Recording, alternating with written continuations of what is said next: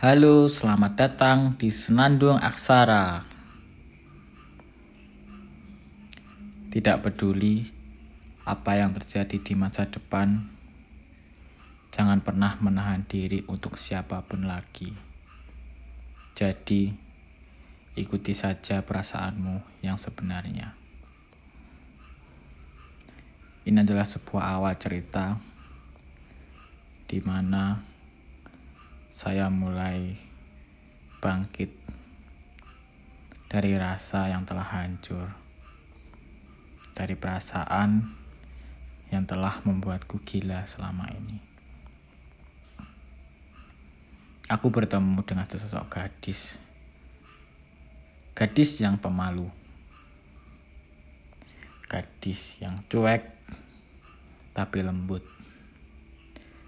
Dia polos dan bahkan tidak banyak bicara. Tapi sekali dia bicara, boom, dia seperti bom waktu.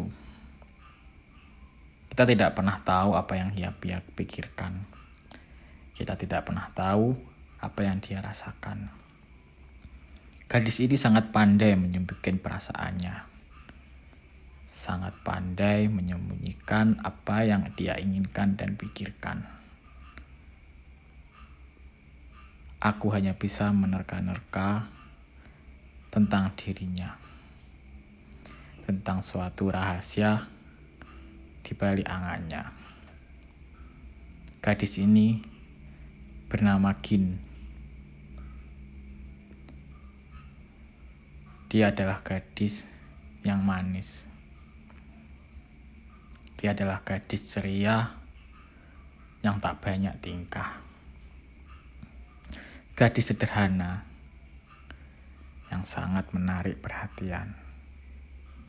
Mungkin dia adalah gadis yang sangat diidam-idamakan oleh seluruh pria. Tapi karena sosoknya yang tidak begitu mencolok, dia jarang dilirik oleh mata lelaki hanya beberapa lelaki yang mungkin melihatnya. Melihat senyum polosnya, melihat senyum yang sangat manis dari balik bibirnya yang merona, atau tingkah yang lucu kekanak-kanakannya.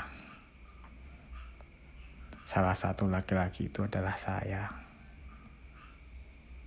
Perasaan itu muncul seketika tanpa aku sadari setelah saya di berada di fase jatuh.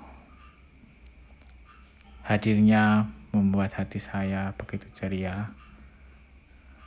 Hadirnya menumbuhkan padang gersang yang tandus setelah diterjang oleh teriknya matahari. Bahkan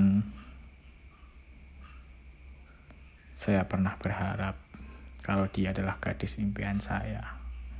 Gadis yang akan menutup semua kekurangan saya. Gadis yang akan menerima saya. Dan gadis yang akan menemani saya sepanjang hari saya. Sepanjang perjalanan sampai kami menjadi tua. Letih, tak berdaya, dan menjadi abu menjadi tanah yang akan ditumbuhi oleh pepohonan rindang. Ini adalah impian sederhana kami. Impian sederhana saya waktu dulu. Ya, sama seperti kisah cinta-cinta yang pernah terjadi di dunia, di alam bawah sadar di atas bumi yang kita pijaki ini. Semua berawal dari komunikasi, berawal dari saling bertemu, saling bertatap, menginspirasi, menerima, dan mengagumi. Itu yang membuat saya mungkin cepat berpindah ke lain hati ke dirinya setelah masa-masa pergi saya yang saya alami. Setelah derita saya yang saya alami. Saya mengungkapkan perasaan saya kepada gadis itu, kepada gadis polos itu. Tapi entah mengapa, dia begitu ragu dengan jawabannya. Seakan-akan dia tidak sadar atau tidak mengerti tentang dirinya sendiri. Dia tidak yakin untuk menerima saya, tapi dia ragu untuk menolak saya. Entah karena itu entah karena mungkin kebaikan-kebaikan saya yang sudah saya berikan kepadanya. Inilah kenapa saya membenci membenci orang yang tidak bisa tegas terhadap dirinya sendiri membenci untuk menolak dan menerima tentang dirinya sendiri